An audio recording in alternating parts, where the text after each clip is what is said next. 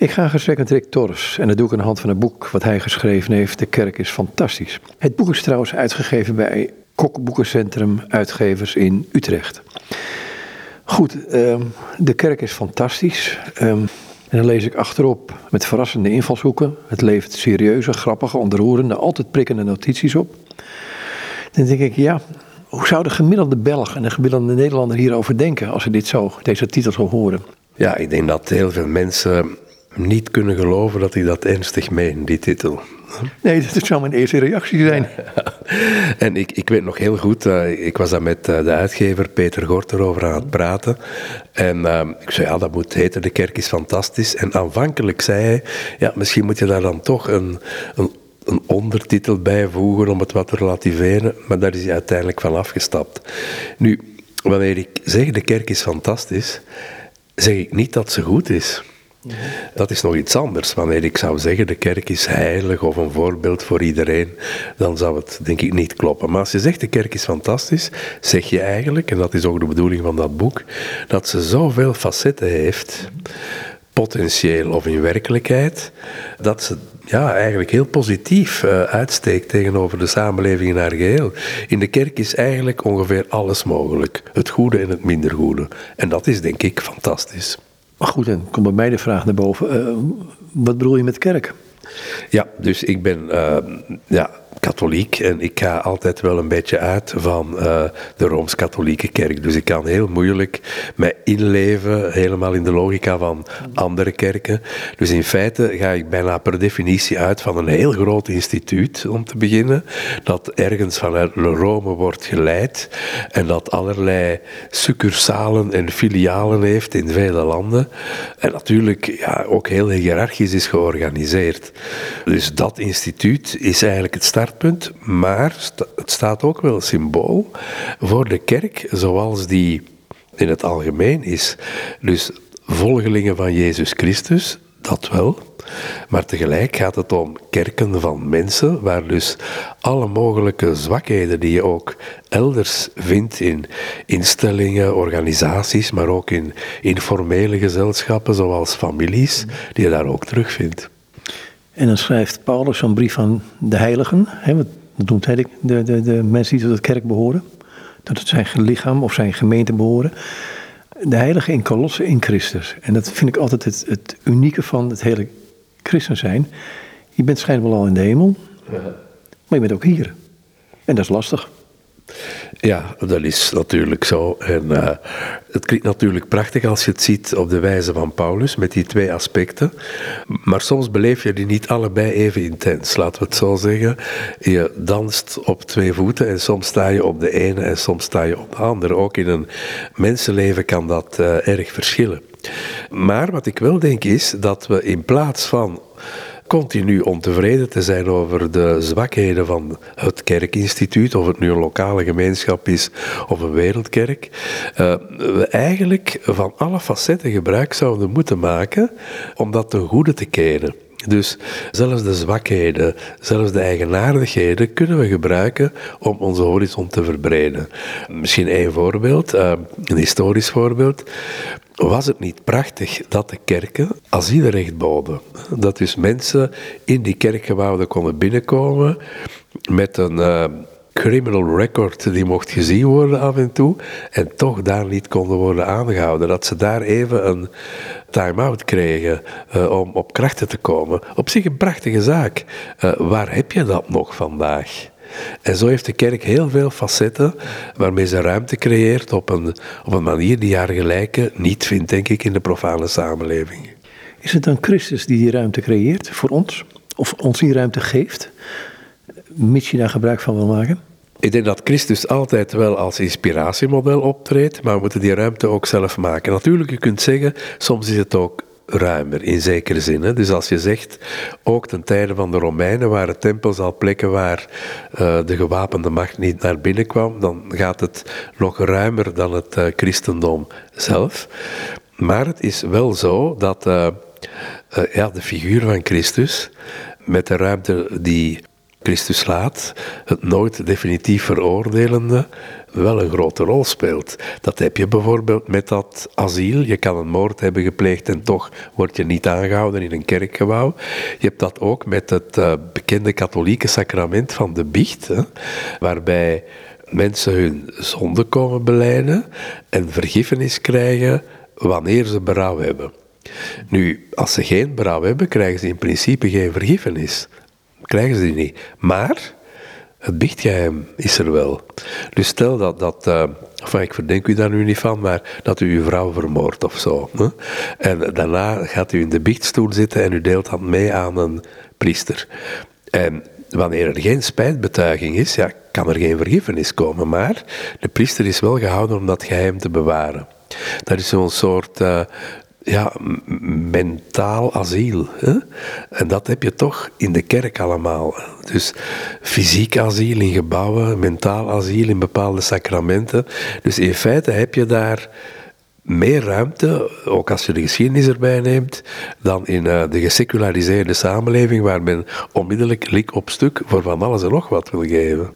Ik, ik moet nu ineens denken aan, aan, films die ik zag over de maffia en de Cosa Nostra. Die dus geregeld zondag ter biecht gingen, deze leden. Ja, natuurlijk, het mag geen lege strategie worden. Hè. Je kan moeilijk gaan zeggen, ja, ik uh, ga uh, morgen mijn buurman vermoorden en dan ga ik overmorgen biechten en zijn we er weer vanaf. Dat is te simpel, want dan heb je eigenlijk geen spijt. Maar de gedachte dat je door echt spijt te hebben helemaal opnieuw kunt beginnen, vind ik wel fantastisch. Dus dat je kunt zeggen, kijk, niets gaat voor altijd verloren. Dus je moet nooit zeggen, denk ik, als christen, had ik maar dit of dat gedaan.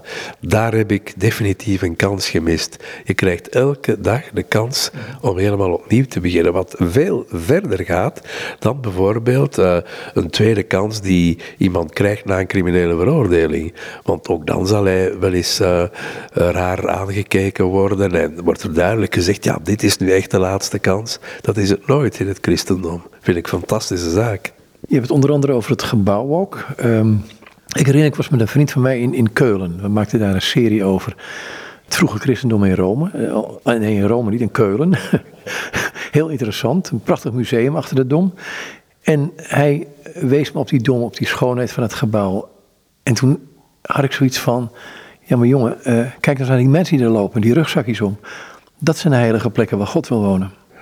Ja, uh, die mensen zeker.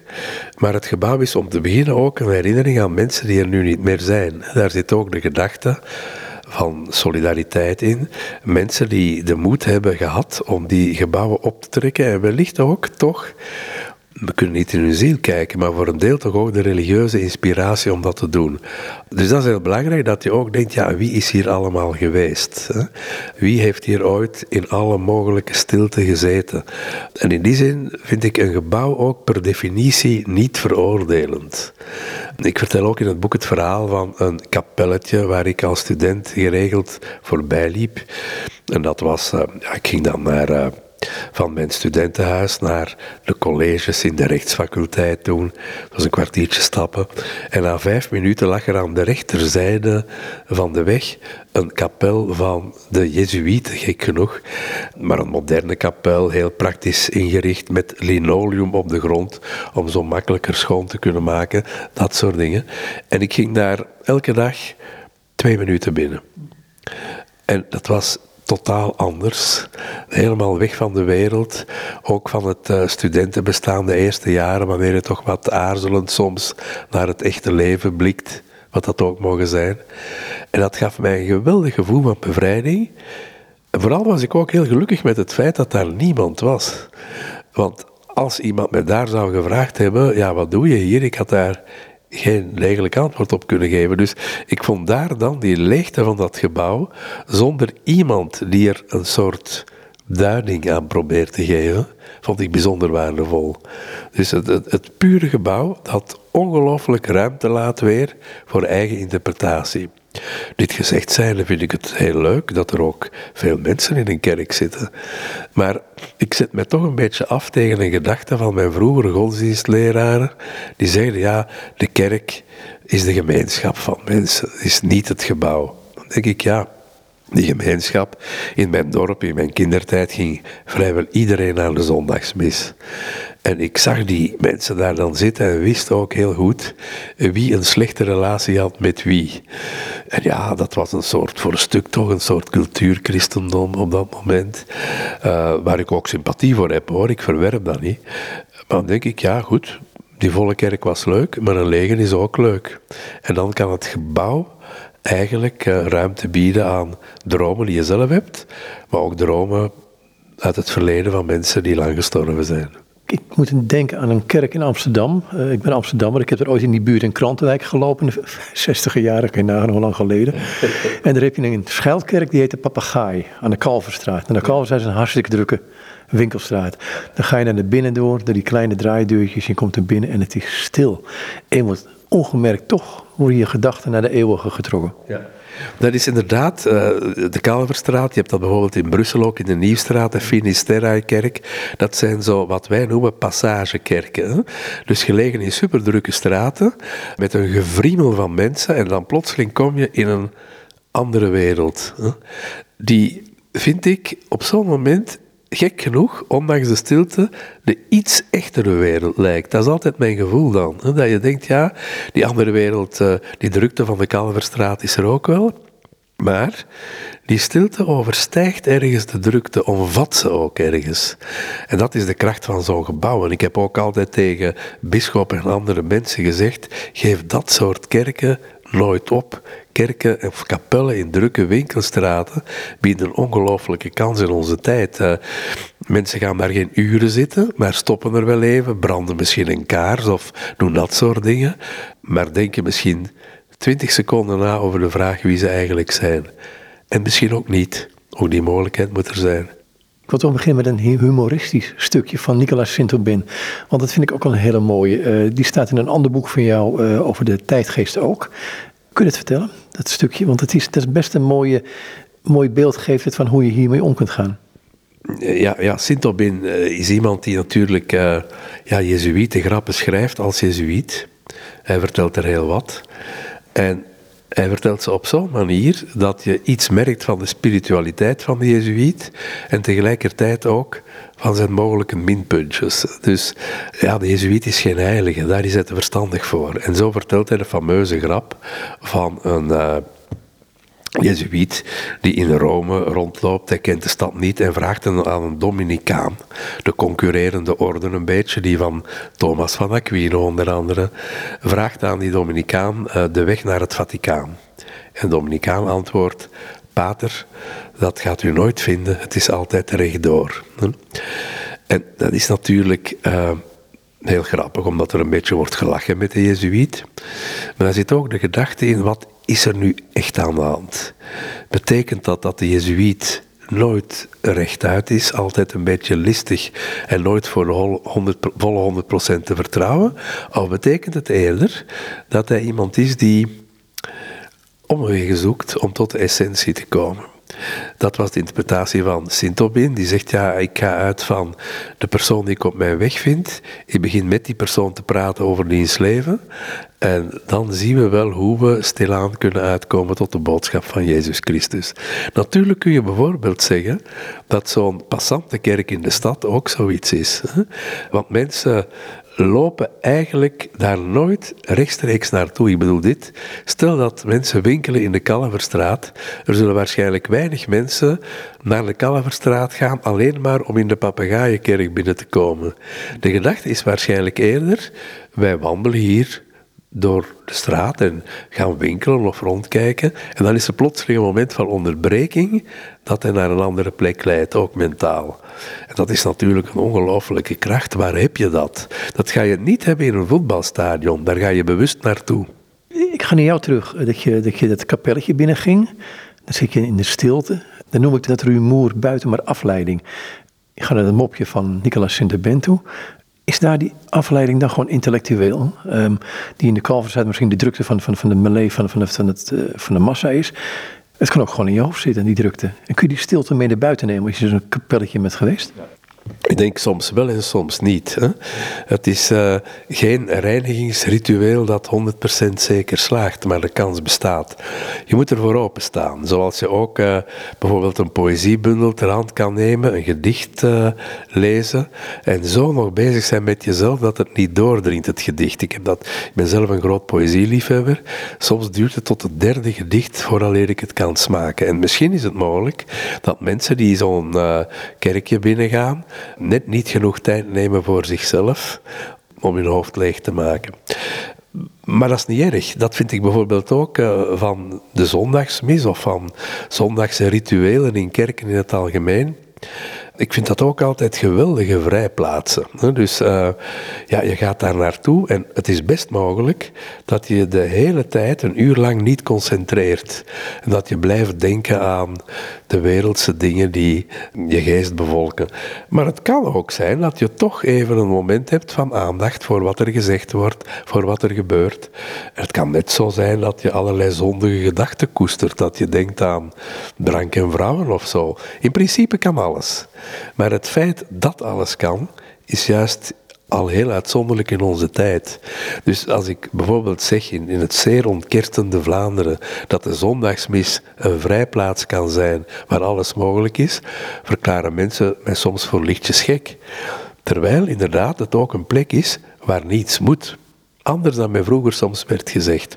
Als ik op school zat, zeiden sommige godsdienstleraren: je moet in de kerk, wanneer je daar een zondagsmis bijwoont, altijd buitengewoon geconcentreerd zijn op het mysterie. Dan denk ik, ja, dat is niet altijd haalbaar. Soms wel, soms niet. En die soms niet vind ik ook oké. Dus het is wel degelijk een echte vrijplaats dan. Je noemt het in het boek ook een oase. Ja, dat is natuurlijk zo. Hè. Dus het, het, het is een, een plek waar andere regels niet gelden. Hè? Dus waar je dus kunt zeggen, kijk, uh, wat hier allemaal gebeurt, beantwoordt niet aan de puur wereldse regels. En hoeft zelfs niet altijd, wat mij betreft, rechtstreeks met geloof verbonden te zijn. Dus de kerk kan ook ruimte bieden voor mensen die even niet meer gelovig zijn. Dat moet ook kunnen.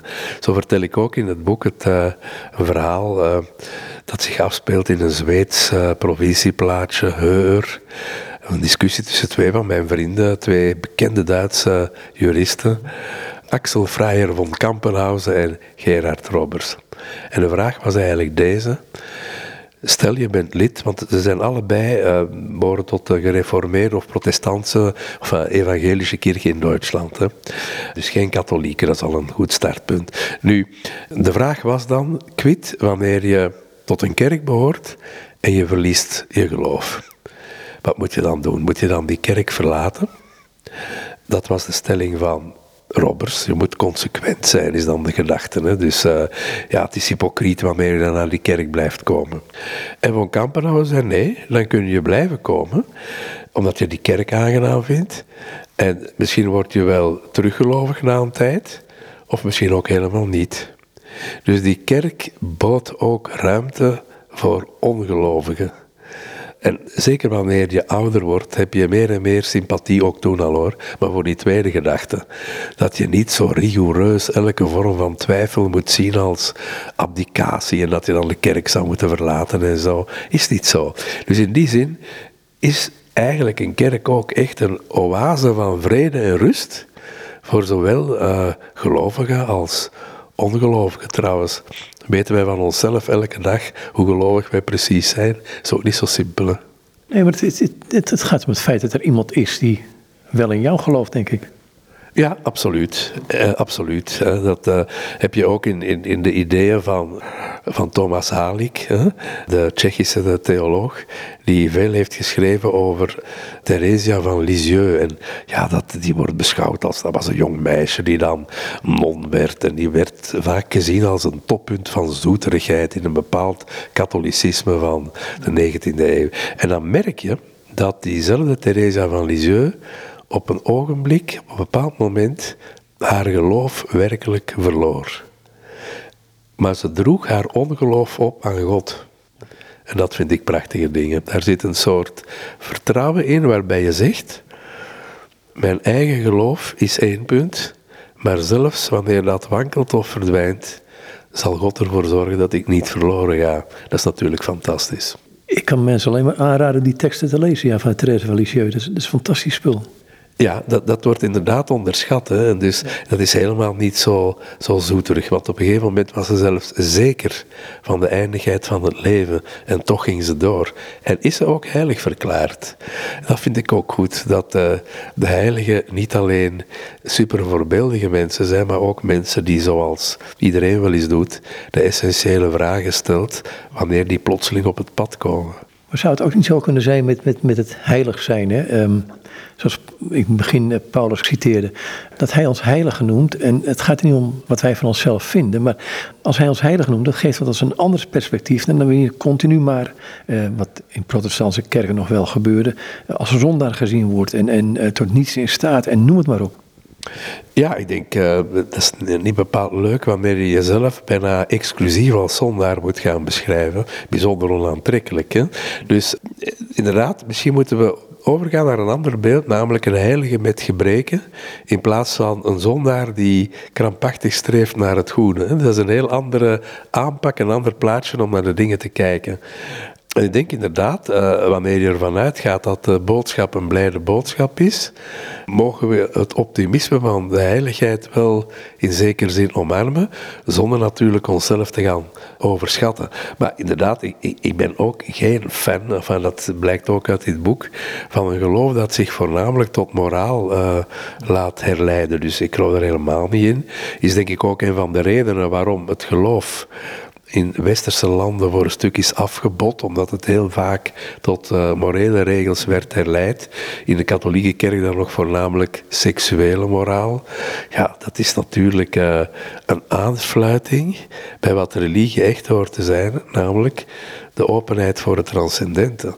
En dan de moraal die eruit voortvloeit of niet uit voortvloeit, is ergens een neveneffect, zoals ook iemand die vurig atheïst is, daar mogelijk morele conclusies uit trekt en een zekere moraal aanhangt. Dus, maar als je echt zegt, ja, de moraal is eigenlijk de essentie, dan denk ik, uh, zit je op termijn bij een geloof dat niet meer opnieuw wordt gevoed en dat uh, gedoemd is om weg te dijmsteren na een tijd. Is dat een soort geformateerd geloof, zou je het kunnen noemen? Ja, ik denk het wel. Hè. Dus uh, geloof betekent dat je ook moet openstaan voor de dingen die je niet kunt beheersen. Terwijl natuurlijk een strakke moraal van het tegendeel uitgaat, namelijk dat je altijd de dingen zou in de hand moeten kunnen nemen, maar wanneer dat niet lukt, dan laat je je zondigheid zien. Dus dat is in feite bijna een theologie van het falen in plaats van een theologie van de hoop en het verlangen. En ik denk dat we duidelijk moeten kunnen maken, ook voor onszelf, dat je niet moet uitgaan van de zondigheid als concept, om toch tegelijkertijd je eigen gebreken onder ogen te zien. Dat zijn twee verschillende dingen. Ga je je eigen gebreken en onder ogen zien? Ik ga even naar Zacchaeus onder andere, op het moment dat je met Jezus in contact komt.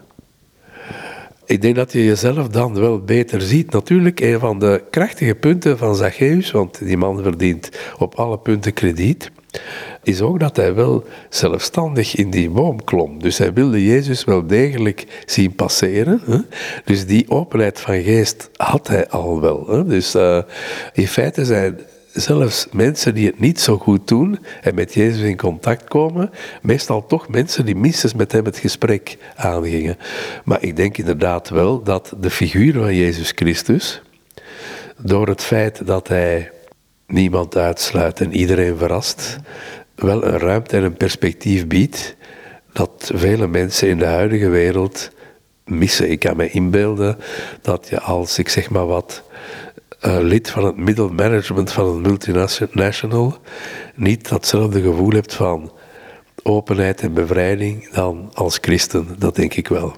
Je hebt in het boekje een aantal voorbeelden van, um, dat zijn geen paradoxen, maar eigenlijk van die verschillende manieren waarop Jezus kan reageren op mensen en met mensen.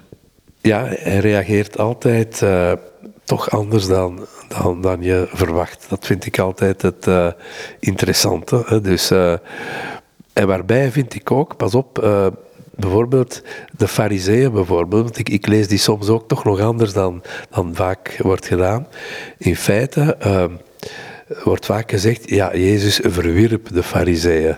Dat is natuurlijk niet zo, want anders zouden wij er niet zo'n diepe discussies mee aangegaan zijn. Dus in feite, door met hen in gesprek te treden, nam hij hen wel au sérieux, maar hij legde wel hun zwakke punten bloot. Dat is in feite iets wat je heel vaak in een open debat hebt. En inderdaad, dan blijkt dikwijls dat degenen die het minst uitpakken met hun deugden, de meest deugdzame zijn. Of toch degenen die deugdzamer zijn dan de anderen, omdat ze hun eigen grenzen goed zien.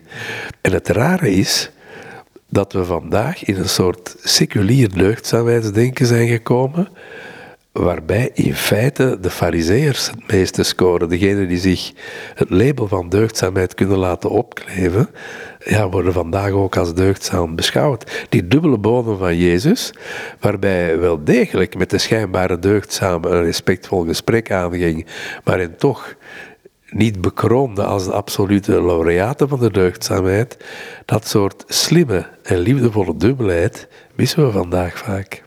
Bestaan deugden in deze tijd nog wel? Dan heb ik het niet over de gelovigen, maar gewoon maatschappelijk gezien. Wel ja, dat is de vraag. Ik denk het wel. Maar ik denk dat ze vaak impliciet moeten bekeken en beleden worden. Ik denk dat veel mensen inderdaad vormen van deugdzaamheid hebben die ze zelf onderschatten, terwijl anderen dan juist hun eigen deugdzaamheid weer overschatten. Dat is denk ik typisch. Maar ik denk dat onze samenleving niet echt slechter is dan andere samenlevingen. Wel is ze naar mijn aanvoelen soms wat uh, wanhopiger. Wat uh, ook de tolerantiedrempel mee bepaalt. Dus wanneer je wanhopig bent, heb je meer moeite om andere levensvormen dan de jouwe te accepteren. Dat denk ik wel.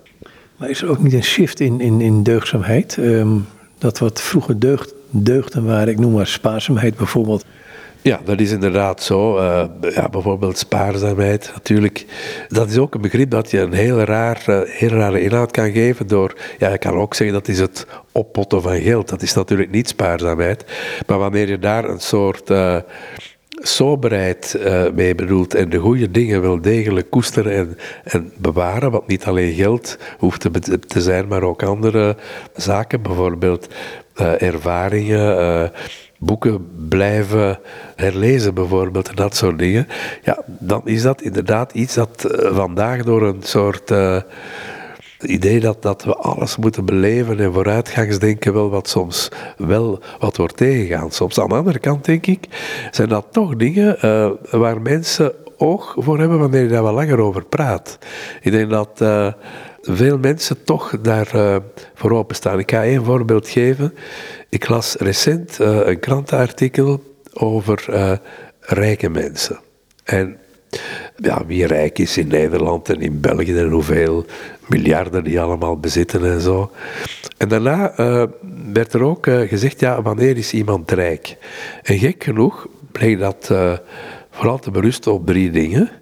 Het aantal dure auto's, het bezit van een zwembad en een groot aantal buitenlandse reizen elk jaar. Maar als ik dat las, dacht ik dat heeft toch op zichzelf weinig te maken met rijkdom, maar met een consumptiepatroon. Dus je kunt bijvoorbeeld alles over hebben om die dingen te realiseren, uh, waarbij je jezelf zelfs pijn doet.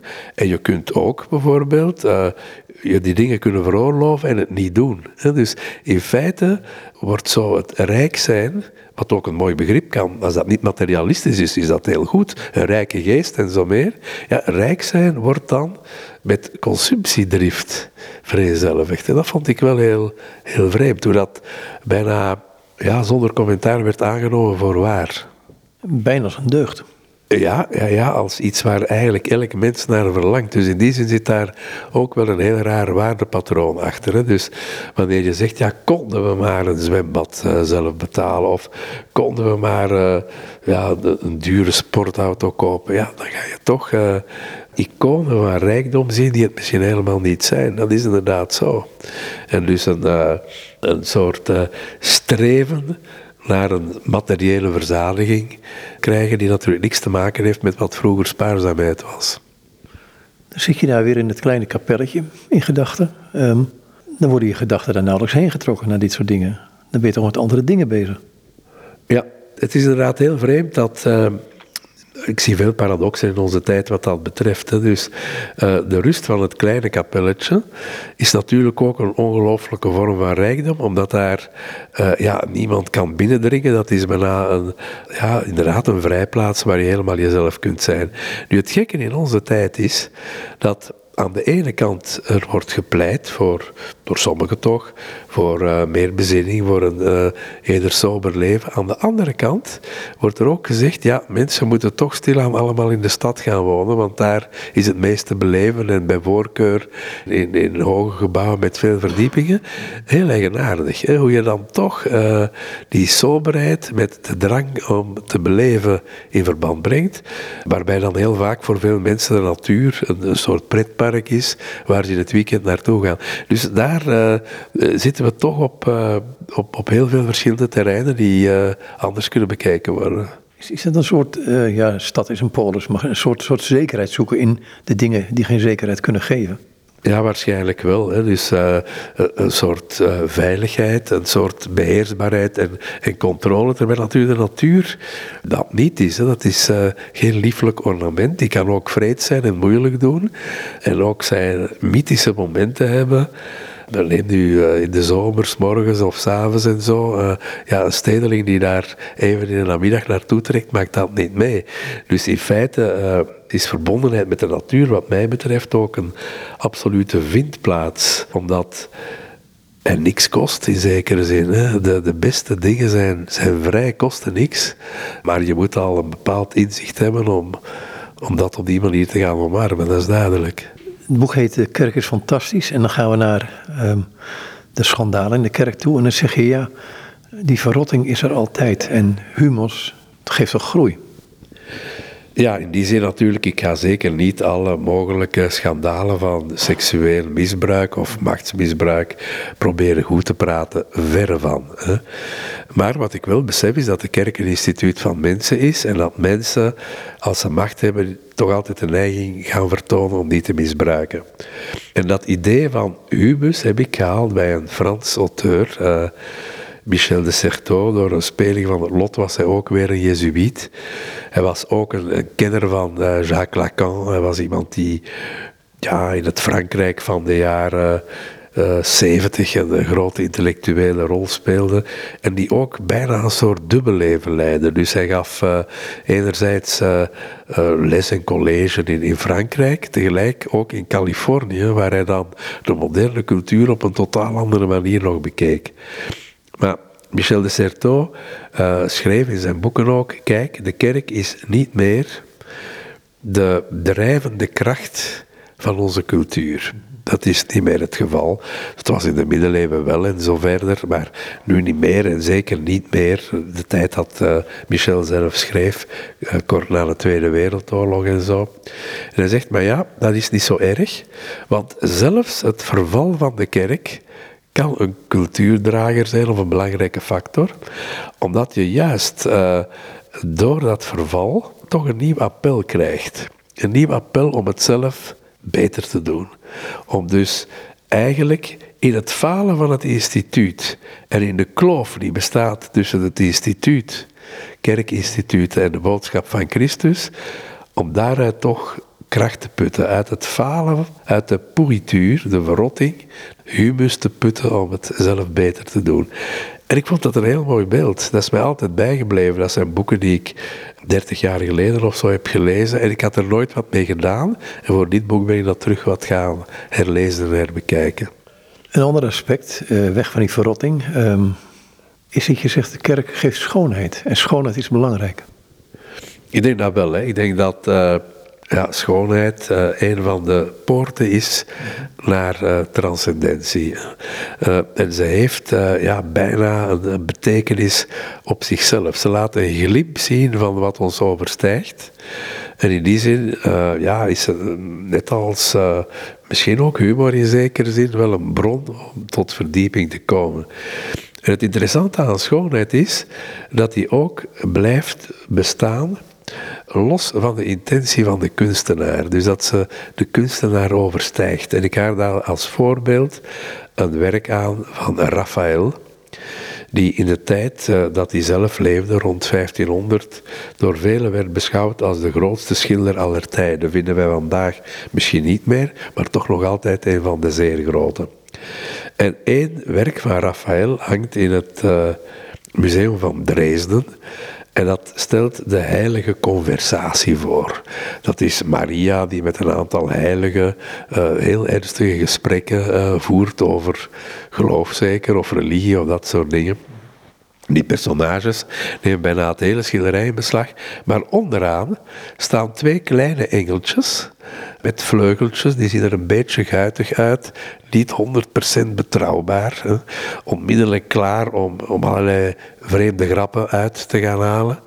En ja, die, die bekleden misschien 10% van het schilderij. Nu, het rare is Terwijl die door Raphaël waren gezien als puur ornament, zijn die in de loop der tijden, even na Raphaël, plotseling verzelfstandigd als uh, fantastisch mooie dingen. Die spraken meer aan dan die heilige conversatie, omdat ze toch engelen waren, maar ook een beetje guitig, wat menselijke trekjes vertoonden. En vandaag tref je in alle museumshops die twee engeltjes van Raphaël aan. Uh, en, meisjes gebruiken die, jongens misschien ook hoor, als bladwijzer voor boeken of als uh, iets wat ze kunnen opspelden en zo verder. En dan denk ik, dat is toch ongelooflijk dat had Raphaël nooit gedacht. Dat hij die toen hij die engeltjes schilderde, dat die zo een eigen functie zouden gaan bekleden en belangrijker zouden worden dan de rest van het schilderij. Dat is ook de magie van schoonheid die de intentie van de schepper overstijgt. En in die zin zit daar een geweldige transcendente verwijzing in. Welke verwijzing is dat? Wel, dat is voor mij de verwijzing dat kunst de kunstenaar overstijgt. Raphaël wilde eigenlijk die heilige conversatie het licht stellen en die twee engeltjes waren een voetnoot. Later zijn mensen die die kunst interpreteerden, die voetnoot en die frivole engeltjes belangrijker gaan vinden. Dus in feite, de kunstenaar kan wel een kunstwerk maken, maar verliest de controle daarover wanneer het af is. Dan mogen andere mensen het interpreteren en sommige details misschien de essentie vinden. Dat vind ik fantastisch. Daar zit zo ook het idee dat uh, kunst ja, de pure schepping overstijgt. Wat je minder gaat hebben wanneer je bijvoorbeeld een, zeg maar wat een autofabrikant bent, ja, dan maak je een auto. En dan gaan weinige mensen zeggen, ja, ik, ik vind vooral toch de koffer belangrijk. Hè? Dat is de mooiste ooit. Terwijl bij kunst weet je nooit wat daar gaat van overblijven in de loop der tijden. Is God dan een kunstenaar? Wel, ik denk dat hij elke vorm van kunstenaar zijn overstijgt. Maar als hij op een mens zou lijken, zou hij misschien wel op een kunstenaar kunnen lijken. Ik ben zelf altijd een scepticus tegenover het uh, beschrijven of half definiëren van God. je hebt uh, het fameuze Joodse gezegde, dat zegt ja, uh, wanneer iemand denkt dat hij weet wie God is, mag je zeker zijn dat hij dat niet is. Omdat God alles overstijgt wat wij ons van hem kunnen voorstellen. Dus dat vind ik al een eerste punt. In die zin vind ik ook de vraag of hij mannelijk of vrouwelijk is onnozel, want op het moment dat hij dat zou zijn of nog iets anders, uh, wordt hij gereduceerd tot puur menselijke kenmerken. Maar een kunstenaar in de ruime zin zal hij zeker zijn, laten we zeggen, als een mogelijke beschrijving van hoe we hem zou kunnen zien, zonder hem op te sluiten. Want wat mij daarin opvalt, is dat vooral mensen die zeker zijn dat God niet bestaat, heel zeker weten hoe hij eruit ziet. En dus bijvoorbeeld, het rare is vandaag dat veel mensen zeggen, ja, God kan niet bestaan. Want hij heeft Auschwitz toegelaten. Of hij accepteert dat een kindje van drie jaar sterft aan kanker. Dus bestaat hij niet. Zo'n God kan niet bestaan. Dus in feite zegt men dan, God is iemand die op elk moment rechtstreeks kan ingrijpen in de geschiedenis als een soort supermens en dat niet doet en daarom moreel tekort schiet. Dat is toch al wel een, een, heel gedetailleerde beschrijving van God. Dus ik vind, uh, zover zou ik als gelovige niet durven gaan. Dus in feite zeggen atheïsten die van, van, van deze redenering uitgaan, zeggen eigenlijk, uh, ja, God kan echt niet bestaan, want dan zouden wij een slechterik zijn en dat kan niet. Dus God moet almachtig zijn, oneindig goed en zo meer. Wel traditionele eigenschappen die hem werden toegeschreven. Maar ik aarzel toch meer, zeker wanneer je al die eigenschappen als een vertaling ziet van menselijke categorieën. Ik, ik weet Vincent van Gogh, um, hij zei, je hebt, kunstenaars die met verf werken, met steen werken. Maar God werkt met het leven zelf. Waarschijnlijk wel, en misschien nog met veel meer andere dingen dan wij vermoeden. Dus we zitten hier op aarde. Uh, op een heel wel bepaalde plek in het universum. En hoe dat er allemaal uitziet, weten we niet en zo meer. Ook het idee, God schepper van het universum, het woord schepper moeten we toch ook iets anders zien dan de schepper van een stripheld of zo. Je moet toch allemaal opletten. Maar inderdaad, hij speelt met leven. En leven in een betekenis die misschien veel rijker is dan wij ons ook maar kunnen voorstellen en dan wij kunnen zien. Vind je die schoonheid nou ook terug in de kerk? Want je zegt de kerk is fantastisch en daar is dit uh, onderwerp een hoofdstuk bij. Wel, het is wel zo, als je zo naar, naar kerken kijkt, uh, dat die schoonheid zeker bewust werd nagestreefd en op verschillende manieren. Dus je hebt een theologische visie ook uh, in heel veel verschillende manieren om kerken te bouwen. Het opwaarts streven van de gotiek bijvoorbeeld. Het toch wat meer intimistische van, van de Romaanse architectuur. Uh, de, de triomf van de barok, die ik uh, een beetje soms aandoenlijk vind in, in, in zijn menselijke kleinzieligheid. Dus in feite was het ook voor een stuk ook een reactie tegen de reformatie. Die uitbundigheid die overdreven was en misschien wat kinderachtig zit toch ook schoonheid. Terwijl je natuurlijk ook in, in hedendaagse kerken een bepaalde visie ziet. Heel interessant is ook dat je in de Sixtijnse kapel in, in Rome, dus waar de, de plafondschilderingen en ook het laatste oordeel van Michelangelo zijn, dat daar ook een, gids bestaat met de theologische visie van Michelangelo. Dus die had ook allerlei ideeën over uh, schoonheid en over schepping. Ja, super interessant. Die mensen hadden daar wel degelijk allemaal een idee over. En ik denk eerlijk gezegd dat naarmate kunstenaars er ook dieper over nadachten, ze dat beter deden. En dat is misschien een punt dat soms de, de mindere sterkte van sommige hedendaagse religieuze kunst verklaart. Omdat die soms ja, ofwel te sentimenteel is, of soms te, te nadrukkelijk een boodschap wil vertolken en zo. Alle begrip daarvoor, maar ja, een echte genuanceerde visie zit dikwijls ja, meer in, in, in kunstenaars uit het verleden, wat dat betreft. Is het dan zo soms dat met kunst je dingen kunt verbeelden die je niet eens onder woorden kunt brengen en misschien zelfs in muziek niet kunt uiten, dat je daardoor probeert iets op een doek neer te zetten of in, in een beeld te vormen wat ook geen vorm in jezelf heeft? Zeker. Hè? Bijvoorbeeld, ja, je hebt ook uh, kunstenaars zoals Jawlensky met verschillende vormen van gezichten in kruisen. Dat is natuurlijk ook al bijna een eeuw geleden of helemaal een eeuw geleden. Maar inderdaad, hè, dat heb je. Je hebt ook uh, uh, bijna volledig abstracte kunst, vaak ook meer in, in de bouwkunst dan, dan, dan in andere zaken. Perfect, er zijn heel veel manieren om er naar te kijken. En inderdaad, kunst kan ja, iets laten zien wat woorden niet kunnen, omdat er een grotere abstractiegraad in zit. Dat is duidelijk wel. En dikwijls ook een grotere ruimte voor wat de kunst niet rechtstreeks uitbeeldt. Dus bijvoorbeeld in de architectuur heb je ook ruimte voor de lege plek. En hoe het licht valt op de lege plek. Dat is dikwijls de grote kunst bij, bij kerken. Hoe gaat de lichtinval zijn en zo verder. Die kracht van de lege plek, dus van de witte plek van hetgeen niet wordt opgevuld, dat is vanzelfsprekend. Ja, waarom is zo'n kapelletje waar jij heen ging in je studententijd? Wat was het waardoor je stil werd? Wel, eh, het feit dat daar alles anders was. Uh, dat was om te beginnen een speciale geur die er ook heerste. Van kaarsvet of wat dan ook. Wat ik er ook leuk aan vond was de, ja, de redelijke soberheid. En gek genoeg, de architectonische mediocriteit. Het was zeker geen topkapel. En je voelde hoe ze zich wat ja, ik, dicht daar nu bijna menselijke gevoelens toe, maar hoe de kapel zich bijna gedrongen voelde in zo'n stedelijke straat en men toch had geprobeerd door binnenramen nog een beetje groen te laten binnenkomen, bijna aandoenlijk zo, de, de strijd van de kapel om in die, om in die straat een plaats te verwerven.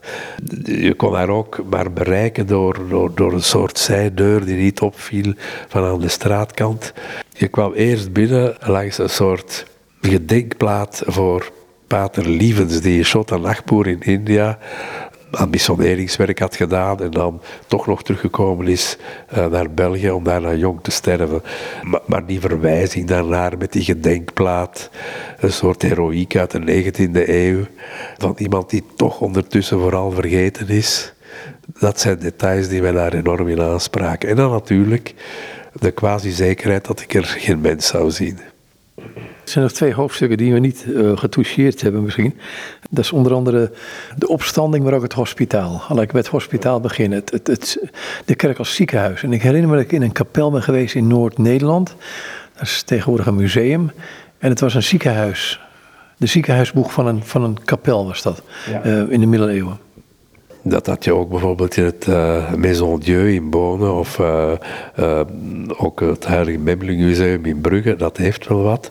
Nu, de gedachte daarachter ook door deze paus gebruikt is dat wij allemaal mensen zijn die af en toe in dat veldhospitaal terechtkomen. Dus dat was althans de boodschap waarmee hij vertrok toen hij pas paus werd. En het leuke daarvan in zekere zin was wel dat plotseling die ja, abstracte normen die zouden moeten nageleefd worden, werden vervangen door uh, een beschrijving van het concrete leven met alle falen van dien. En dat is denk ik wel een opluchting. Als je zegt, ja, we komen allemaal wel eens in dat veldhospitaal terecht, is iets heel anders dan uh, die strenge regels die toch niet uh, worden nageleefd. In het boek vermeld ik ook een quote van Jean Werkmeister, een kerkjurist, waarmee ik samen heel veel dingen heb gedaan, uh, publicaties en zo meer in Straatsburg, voor de Revue de Droit Canonique en congressen georganiseerd.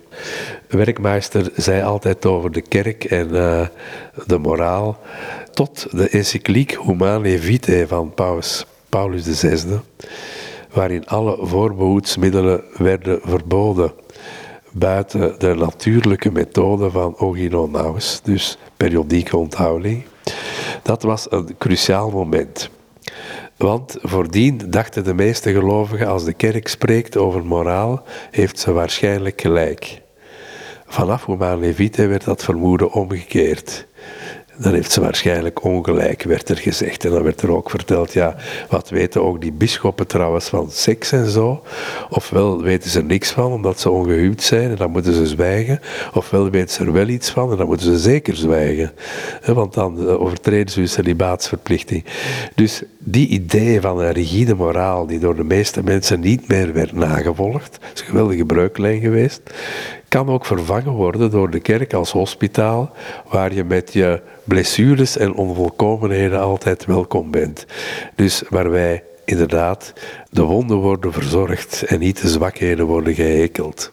Is het dan zo? En dan ga, ik, dan ga ik naar de kerk als het lichaam van Christus, wat dwars door alle kerken en kerkmuren heen gaat, om het zo te zeggen. Dat lichaam is verwond. Ja, natuurlijk.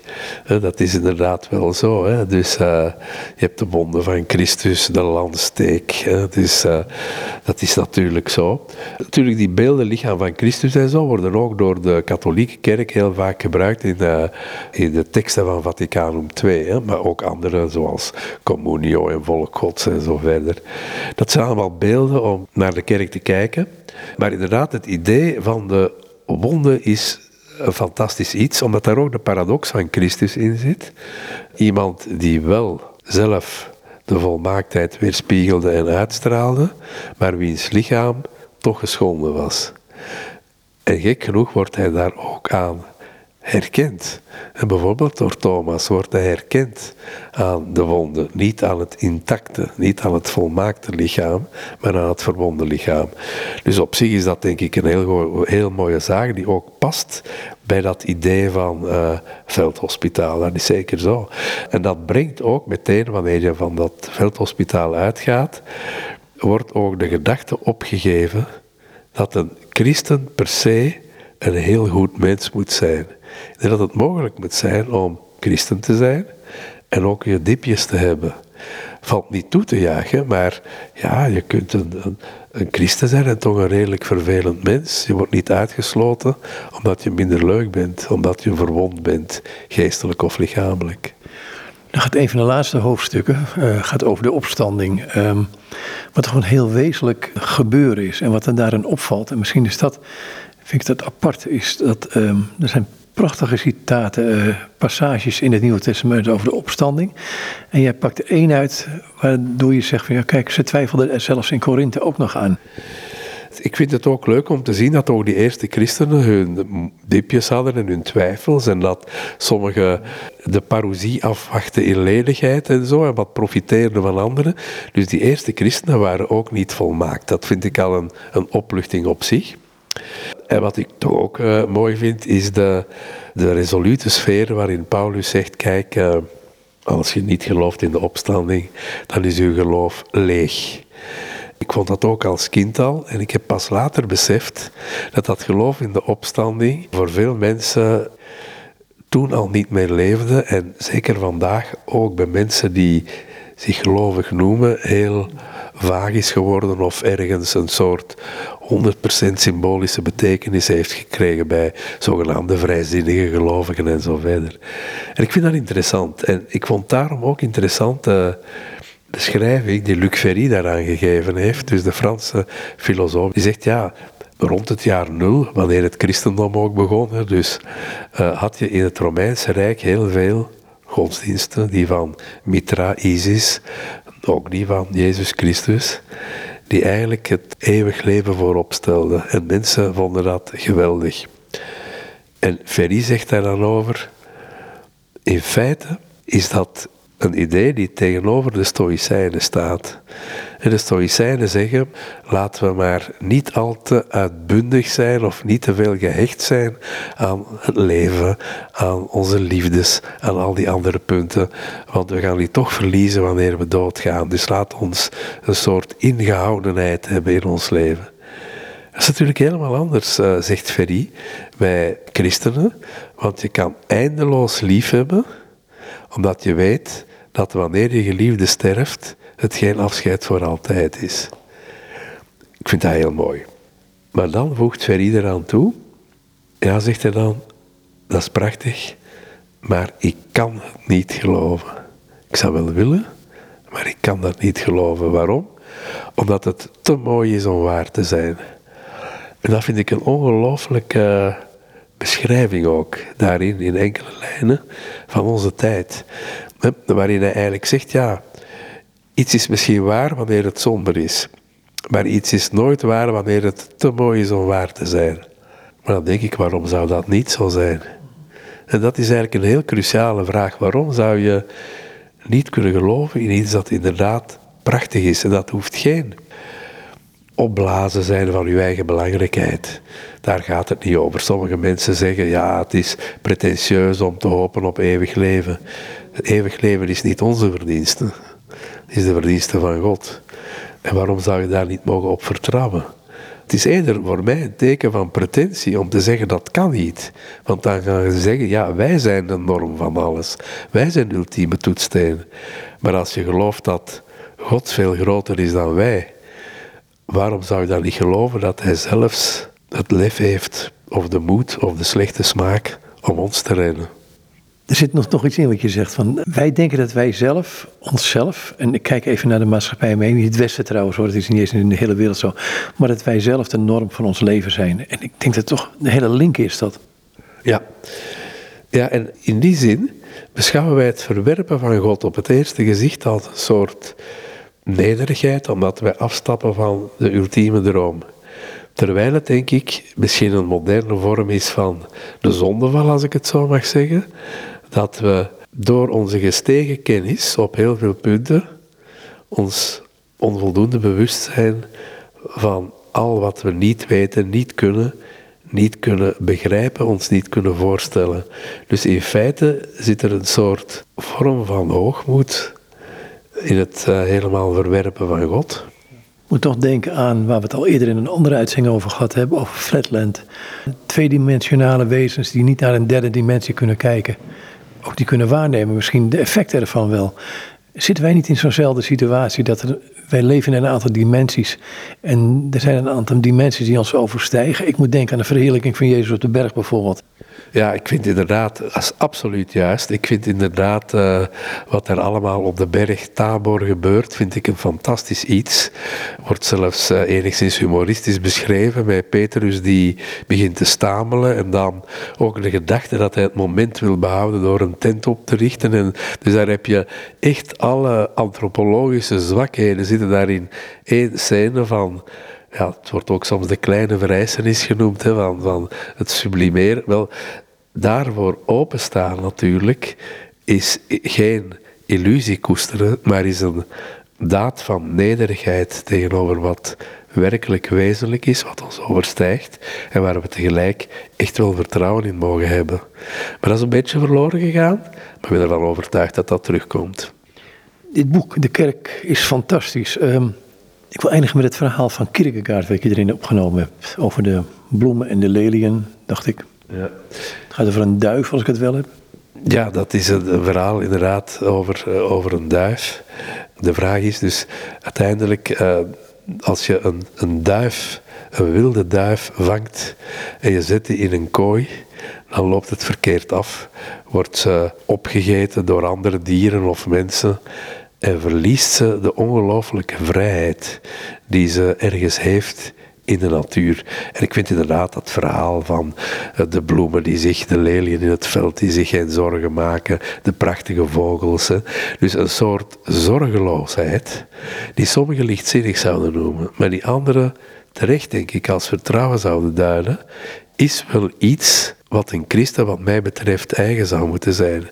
In plaats van het verkrampte streven naar van alles en nog wat, is een soort verantwoorde zorgeloosheid. Beseffen welke mooie dingen wij hebben gekregen en wat we daar allemaal kunnen mee doen, is denk ik iets dat uh, heel vaak wordt uh, onderschat. Kijk gewoon naar de vogels, de vruchten in het veld. Ja, dat zijn dingen die zo fantastisch zijn. Veldbloemen zijn ook vaak veel mooier dan dan, dan bloemen die zorgvuldig in de serre zijn grootgebracht. Dus dat soort zorgeloosheid is denk ik een, is eigenlijk een vorm van religieuze diepzinnigheid. Verwondering? Ja, en eerder nog aandacht. Ik heb daar altijd zo... Dus je hebt die, je hebt die dubbele verwondering, taumasia is heel belangrijk. Maar voor je echt kunt verwonderen, heb je ook aandacht uh, soms. En zo denk ik uh, vaak aan een citaat van uh, Paul Celan, de, de dichter uit Bukovina, die schreef: Aandacht is het mystiek gebed van de ziel. Dat vind ik heel juist. Aandacht is iets, ja, verrijkt het leven, je ziet een, een hele reeks dingen. En scherpe aandacht voor wat er gebeurt is vaak ook de toegangspoort tot verwondering en zo verder. Ik was hier wel later, dankjewel. Dank u. En dit zei Rick Tors. En met hem was ik uh, in gesprek over het boek, of aan de hand van het boek. De kerk is fantastisch. Een boek uitgegeven bij Kokboekencentrum Uitgevers in Utrecht.